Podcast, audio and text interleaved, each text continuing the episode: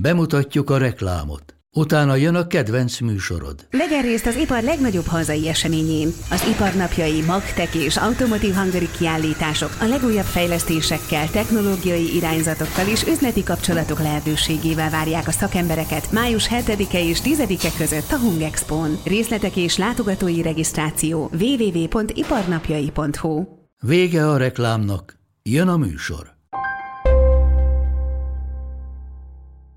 Nagyjából majdnem a kétharmada a keresőknek is eltűnt, akik venni szeretnének. A hitel az, mint olyan, az gyakorlatilag szinte megszűnt.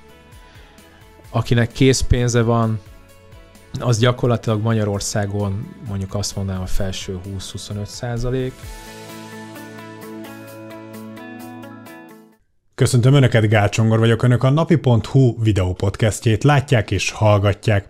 Ezúttal egy sláger témával fogunk foglalkozni, amelynek talán nem is lehetne nagyobb érdekessége vagy aktualitása, ez pedig az ingatlan téma. A beszélgető partnerem pedig nem más, mint Csorba Dániel, ingatlanos, ingatlan szakértő, youtuber, tiktoker, és lényegében vlogger. És nerd. És nerd, és szia, és köszöntelek Szervusz, itt nálunk. Szia Hát nagyon-nagyon izgalmas, ami most történik az ingatlan piacon. Légy szíves, egy picit beszéljünk arról, hogy, hogy már megvannak az első számok arról, hogy hogyan záródott 2022. Pontosan. És ha jól tudom, akkor a december, bár mindig nagyon rosszul szokott alakulni, tehát azért az évben Igen. nem a legmagasabb, a görbe legmagasabb pontját mutatja, de hogy az előző évihez képest is azért egy nagyon erős 20-25 százalékos visszaesés mutatkozik. Mi mondható el a tavalyi évről ingatlanos szempontból? Hát eléggé beesett, tehát az eleje, mondjuk az utolsó két évet, ha nézzük, tehát 21-et és 20-at, akkor kb. 21 volt az, ami egy olyan görbét produkált, amit általában szoktak az ingatlanpiacok. 20-nál nyilván volt ez a, ez az, a covidos letörés, és hát a decemberben, most december, tehát 22 decemberre ben sikerült egy olyan adatot létrehozni, így, így eladások tekintetében, ami ugyanezt tükrözi, tehát ezt a covidos lezárásos évet, és ez a, azt hiszem talán akkoriban olyan 6000 tranzakció volt egy, év, egy abban a hónapban, és most 6400 valahányat satszolt meg az egyik nagy ingatlan hálózat. Ők egyébként elég pontos statokat szoktak kirakni, tehát én meg is néztem még talán ilyen három-négy évre visszamenőleg, hogy a KSH az, aki pontosabban vagy ők, és ők egyébként jobban dolgoztak. Mondjuk a végén nyilván a KSH a tűpontos, csak a KSH-nál, mire bejönnek a földhivataltól az adatok, addigra hát eltelik háromnegyed év. A nagy ingatlan hálózatot pedig ők a kitettségükből tudják rávetíteni a piacra, hogy nagyjából mi történhetett így az elmúlt hónapokban, vagy akár az egész évben, tehát 2022-ben. Egy picit beszéljünk arról, hogy mi vezetett odáig, hogy mondhatni a koronavírus után felfelé, felfelé mozgás volt látható az ingatlan piacon, tehát abszolút azt lehetett látni, hogy talán újra nagyon nagy lendületet kapott, sőt, ugye még a korábbinál is nagyobb eredményeket lehetett elérni, de hogy egy kicsit, hogy mi vezetett ehhez a folyamathoz, és hát ugye viszonylag egyértelmű jelei vannak annak, hogy most mi következik, vagy miből következik az, hogy most visszaesés van. Szerintem ott még az lehetett, hogy egyrészt az alacsony alapkamat is hajtotta a piacot, tehát a olcsó hitelek, ami egyébként mostanra, hát itt vannak meg, tehát megoszló vélemények, hogy mekkorára esett vissza a hitelezés. Valaki 60, valaki 80 százalékot mond, mit csináltunk a saját közösségünkben, ahol nagyjából olyan majdnem 3500-4000 kollég, sőt most már 4300 kolléga van, igen, javítom a sztorit. Szóval, hogy ott vizsgáltuk azt, hogy a kollégáknál mennyire esett vissza a hitelezés, és nagyjából ez a 15 százalékra annyit kell tudni, tehát, hogy 15 százalék a, a, a tranzakcióknak tartalmazott hitelt, ez régebben 60 százalék volt, tehát itt is mondjuk egy jó, hát inkább azt mondanám kétharmados, majdnem háromnegyedes visszaesés volt, amit a kollégák mértek, és ez egyébként a többi banknál, illetve egyéb hitelintézetnél is nagyjából egybe cseng ez a szám, tehát ilyen 60-80 százalékos visszaeséseket mondanak, és a COVID után egyébként azt hiszem talán 2022 második negyedévében volt a csúcs, tehát hogyha 2008-at vesszük 100 százaléknak, akkor ott már, a, a, már mint az ingatlanárakat, akkor ott nagyjából azt hiszem 268-ig ment, hogyha nem csökkentjük, tehát ez a, ez a nominális értéke volt az ingatlanoknak. A reál értéke az valahol 140-150 százalék ponton állt akkor. És azóta egyébként esett talán 25 százalékot, hogyha inflációval csökkentjük az ingatlanoknak az árát. Ingatlanos szemmel, mekkora a baj jelen pillanatban az ingatlan piacon? Hát, ezt, ezt általában nagyon dihotóman szokták értelmezni, tehát nagyon szélsőségesen, és azt mondja, vagy nagyon pörög, vagy nagyon... Én nagyon nem, ettől nem vagyok még megijedve, tehát mondjuk azért ilyen számokat produkált az 2008-tól e- talán 2000 13-ig ezteket a 90 ezres éves tranzakciókat produkálta, hogy ezt aki hallgatja, tudja, hogy nagyjából mit jelent. Amikor most jó volt, vagy azt mondanám, hogy így jól üzemelt maga az ingatlanpiac, akkor olyan 150-140 ezer tranzakció volt egy évben, és mondjuk ebben a, a válság időszakában a 90 ezer, most egyébként úgy, hogy már az utolsó fél év az, az viszonylag rosszul sikerült, sőt, hát elég rosszul sikerült, ahhoz képest is 130-125 ezer tranzakció lehetett a 2022-es évben, és az egyébként én azt, hát más elemzőktől hallottam, és ez szerintem ez egy tök jó meglátás, hogy talán a 2023 is ez a hibrid év lesz, tehát hogy a, az első fél év az, az megint csak eléggé gyengén fog muzsikálni, és hogy elvileg a, a, elég sokan azt prognosztizálják, hogy a második fél évben pedig elkezdünk ebből kilábalni, és az valószínűleg fog annyi boostot adni, annyi erőt adni az ingatlanpiacnak, hogy megint ez a 100 ezer fölötti 110-120 ezer. Hogyha nem, hát akkor viszont valószínűleg ez a 90 ezer körüli tranzakciós szám lesz, ami, ami mondjuk azt a, a válság, tehát 2008-2009 környéki tranzakciós számot fogja majd tükrözni tranzakciós számok tekintetében az előbb a 2008-2009-es időszakhoz hasonlítottad a mostaniakat, vagy amik várhatóak a következő időszakban. Ez azt jelenti, hogy ingatlan szempontból egy a 2008-ashoz hasonló jellegű válság van kirajzolódóban?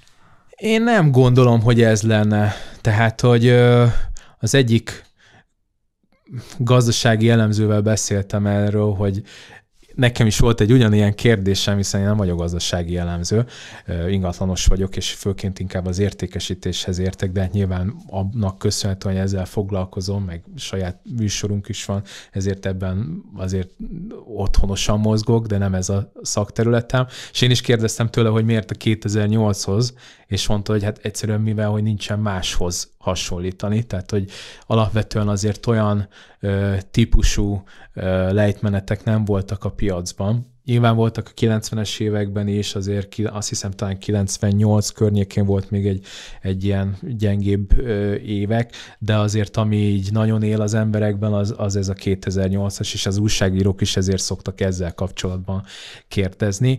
Én, én azért reménykedek, hogy nem ilyen lesz sőt, most csináltak is több azt hiszem talán 30-unkat kérdezték meg ezzel kapcsolatban, akik így a piacon jobban, jobb rálátásuk van, és ott nagyjából egybehangzó volt, hogy valószínűleg nominálisan, tehát a, az ingatlanoknak az árcetlie az kevésbé fog ö, változni negatív irányba, inkább az, ami most is volt 24,5 százalékos infláció, az fogja ledarálni azt, a, azt az árcetlit, annak a vásárló erejét, amit, amit az ember az ingatlan nér cserébe kap. Tehát, Tehát azt mondod, hogy valójában nem csökken, nem úgy fog csökkenni az ára az ingatlanoknak, hogy ami 100 millióba kerül, az 80 millióra fog lemenni, hanem marad 100 millió, csak ugye ahogy a pénz is értéktelenedik el, az értéke is az ingatlanoknak esni fog így?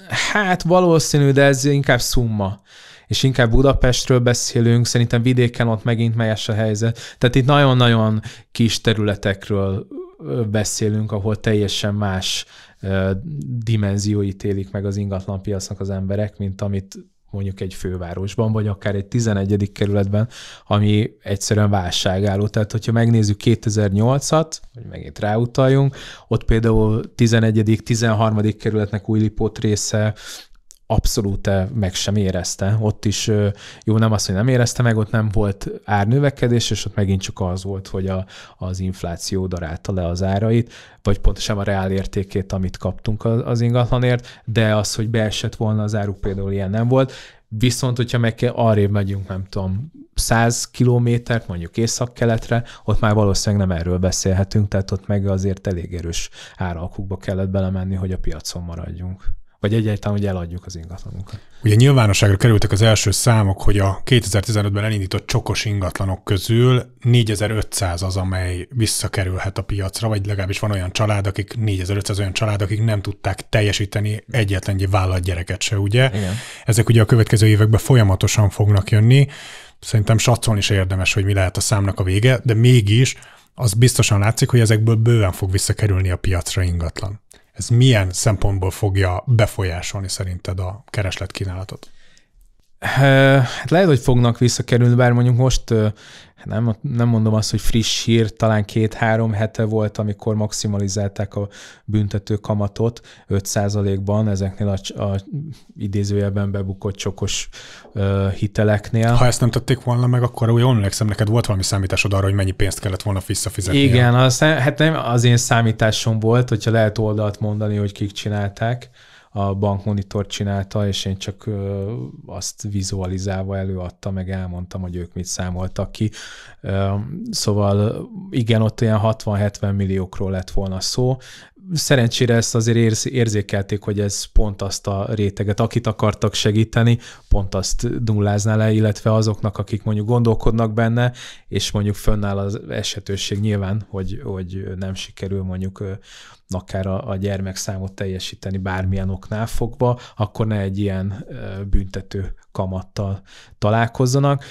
Hogy mennyi ingatlan fog így a piacra kerülni, igazániból ahhoz kéne tudnom azt, hogy ezeket például, hogyha, hogyha felmondják ezt a a, a, a szerződést, akkor milyen módon kell azonnal kell visszafizetni, vagy átütemezik, mert hogyha átütemezik, akkor valószínűleg mindenki ezzel fog élni.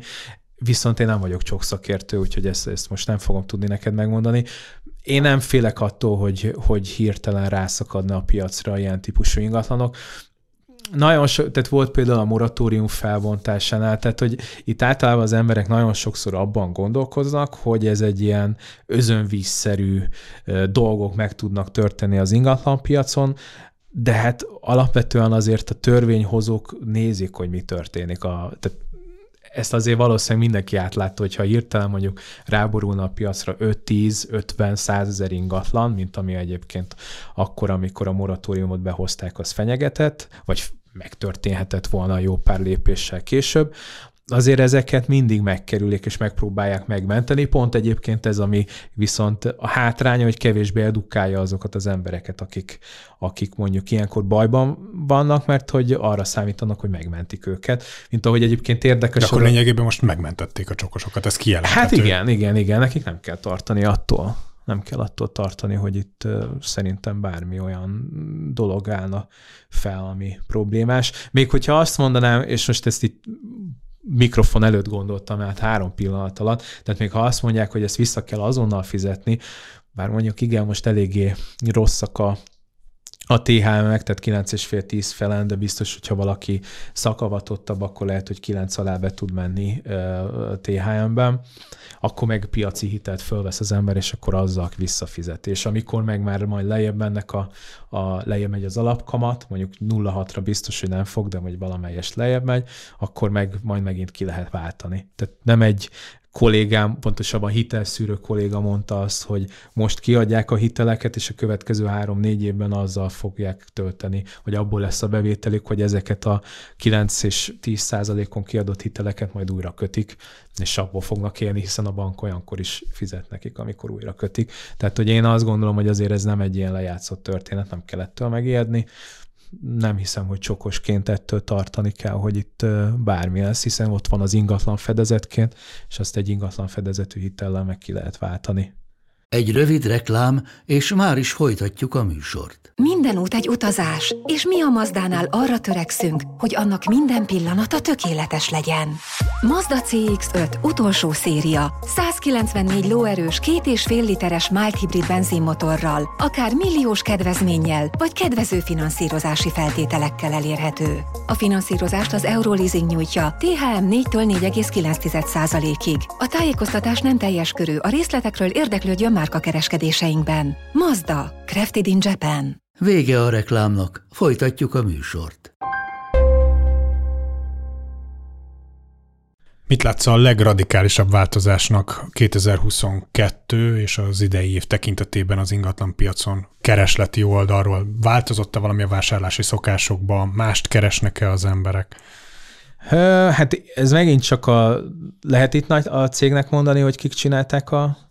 Jó, tehát a Dunahouse-nak a barométere az, amik, a, amit most például pont kielemeztem, és csináltam róla egy 9 perces videót, hogy aki mondjuk nem ezeket a statisztikákat bújja, meg nem szeretik a grafikonokat, azok értelmezhessék a saját maguk életére.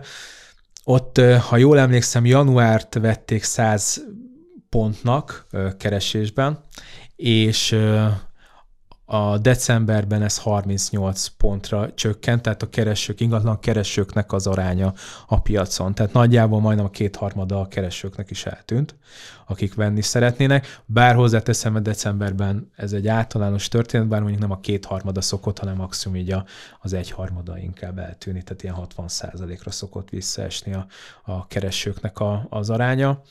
Úgyhogy ez egy nagy változás, 23-ban, amivel majd számolni kell. Én ott is azt mondtam, hogy azért január az, január-február az egy nagyon nagy vízválasztó lesz. Tehát, hogy ahhoz képest, ami mondjuk 22-ben volt, vagy akár 21-ben, ott is attól függetlenül a Covid például 21-et, vagy a 20 pont, bocsánat, 20 annyira nem ö, tépázta meg, hogy ott mik, mik fognak történni majd most, majd most januárban azokhoz a számokhoz képest. Tehát hozni fogja az ingatlanpiac mondjuk egy, legalább egy 10-12 ezer tranzakciót, vagy maradunk ezen a 6-8 ezeresen. Akkor már lehet, hogy el kell kezdeni egy kicsit, hát nem azt mondom aggódni, de akkor valószínűleg egy kicsit keményebb időszak vár az ingatlan eladókra. A budapesti ingatlanárak tekintetében nagyon-nagyon hülledezett mindenki, hogy ugye az elmúlt években milyen mértékben emelkedtek a, a, a, a négyzetméter árak. De hogyha regionális összehasonlításba vesszük, tehát mondjuk Bécs, Pozsony, Prága, tehát körbenézünk a régióban, akkor, akkor hol tartunk most? Valóban nagyon magasak az árak, vagy igazából csak kezdik utolérni magukat? Én igen, ezt szoktam megkapni ezeket a kérdéseket, hogy hogy mit lehet látni ezzel kapcsolatban, de szerintem ez meg egyébként regionálisan, hogyha majd Horvátország és uh, hogy melyik is volt? Még talán Romániában, illetve azt hiszem talán Szlovéniában ilyen 10%-kal gyengébb az átlag ingatlanárak, de ez országosanról beszélünk, tehát fővárosokat arra nem tudok most statisztikát mondani. Szlovákiában ott, ott legalább olyan 50%-kal erősebb, mondjuk ott konkrétan Pozsony tudom, és hát Ausztria, hogyha azt nézzük, ott meg két és félszer magasabbak az ingatlanárak, de ez megint csak olyan, hogy, hogy nem lehet mondjuk Budapestet, nem tudom, valamelyik kisebb várossal összehasonlítani, vagy akár egy kisebb településsel. Tehát ezeknek mindegyiknek megvan a regionális olyan exkluzív tulajdonságai, ami miatt annyit ér, amennyit éppen a piacon megfizetnek. Mert hogy mindig azt szokták mondani, valamilyen arbitrás műveleteket sejtenek az ingatlan piac mögött, hogy kiegyenlíti mindig, és hogy egy ilyen homogén dologra törekszik az ingatlan piac. Persze vannak ilyen vezérfonalak, de hát alapvetően nem az azért fog mondjuk itt drágább lenni az ingatlan, mert nem tudom, Bécsben két és félszeres, és akkor még itt elbírja, hanem mondjuk vannak olyan fejlesztések, ami mondjuk paritásba lehetnek, akár ipari ingatlanokról beszélünk, paritásba lehet Bécsel, és akkor innen könnyebb ellátni, de mondjuk valószínűleg egy, egy átlag budapesti vásárlónak a pénztárcáját nem az fogja kinyitni vagy becsukni, hogy Bécsben vagy, vagy Horvátországban mi történik.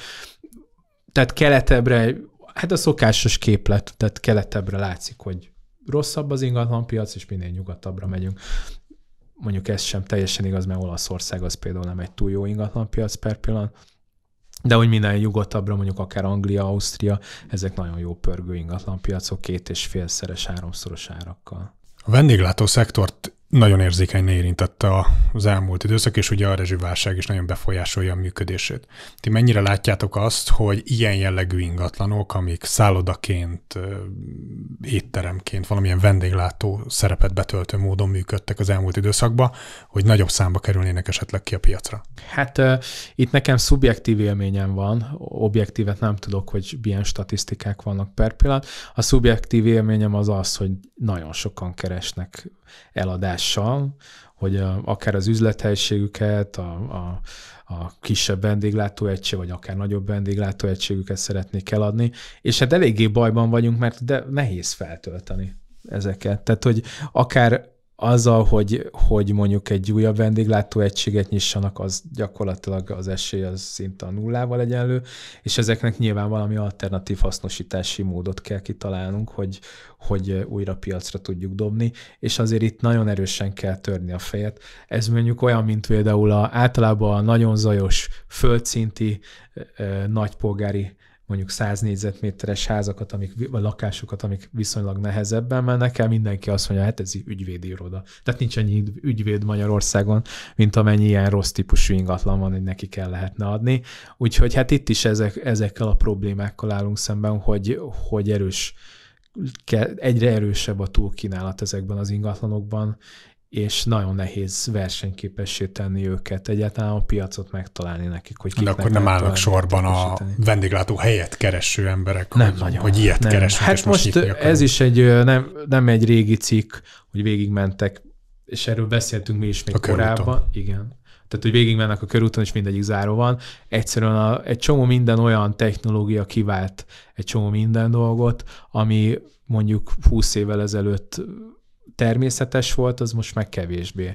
És mondjuk én is inkább elmegyek egy ezekbe a, a pontokba, ahol föl lehet kapni a, a, a megrendelt árukat, mint hogy bemenjek egy boltba, és ott elkezdjek nézelődni. Tehát sokkal kényelmesebb, kevesebb ideje is van az embernek, és, és igazániból ezek is például nagyon sok üzlethelyiséget hát gyakorlatilag ellehetetlenítenek, mert nem, érde, nem éri meg, hogy, hogy egy ilyen helységet uh, üzemeltessen, mert mondjuk esetleg az a 4-500 ezer forint, amit, amit ennek a fenntartására elköltenek, az lehet, hogy mondjuk egy, egy megfelelő felületen való hirdetés, akár Facebook, Google, ezek, ezeknél sokkal több belső ügyfelet eredményezne, mint akik ott az utcán elmennek az, a kirakat előtt. Kik vannak jobb helyzetben most, vevők vagy eladók? Hát egyértelmű, hogy a vevők.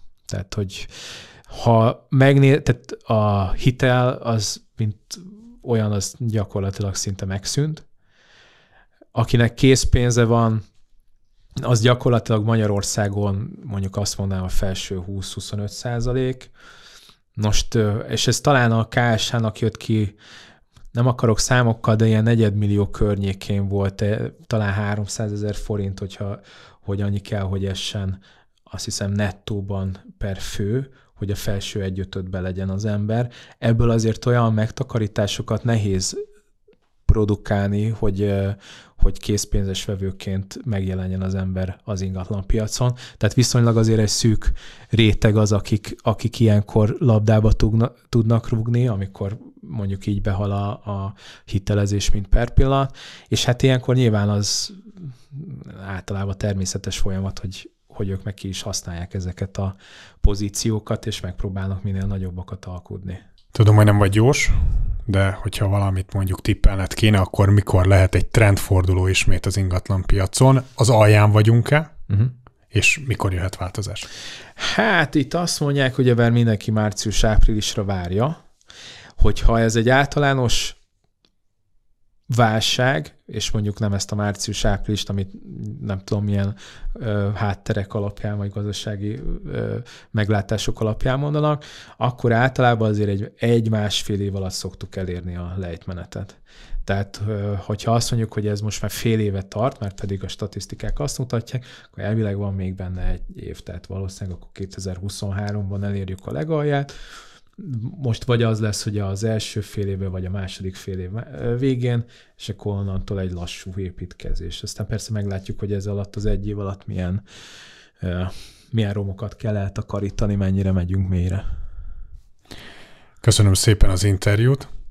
Igazán is. Önöknek pedig nagyon szépen köszönöm a figyelmet, akár néztek, akár hallgattak minket, akár megtették mind a kettőt. Ha eddig viszont nem tették volna, akkor mindenképpen kövessenek minket felületeinken, lájkolják tartalmainkat. Hamarosan ismét friss videóval, friss podcasttel készülünk Önöknek. Addig is viszontlátásra!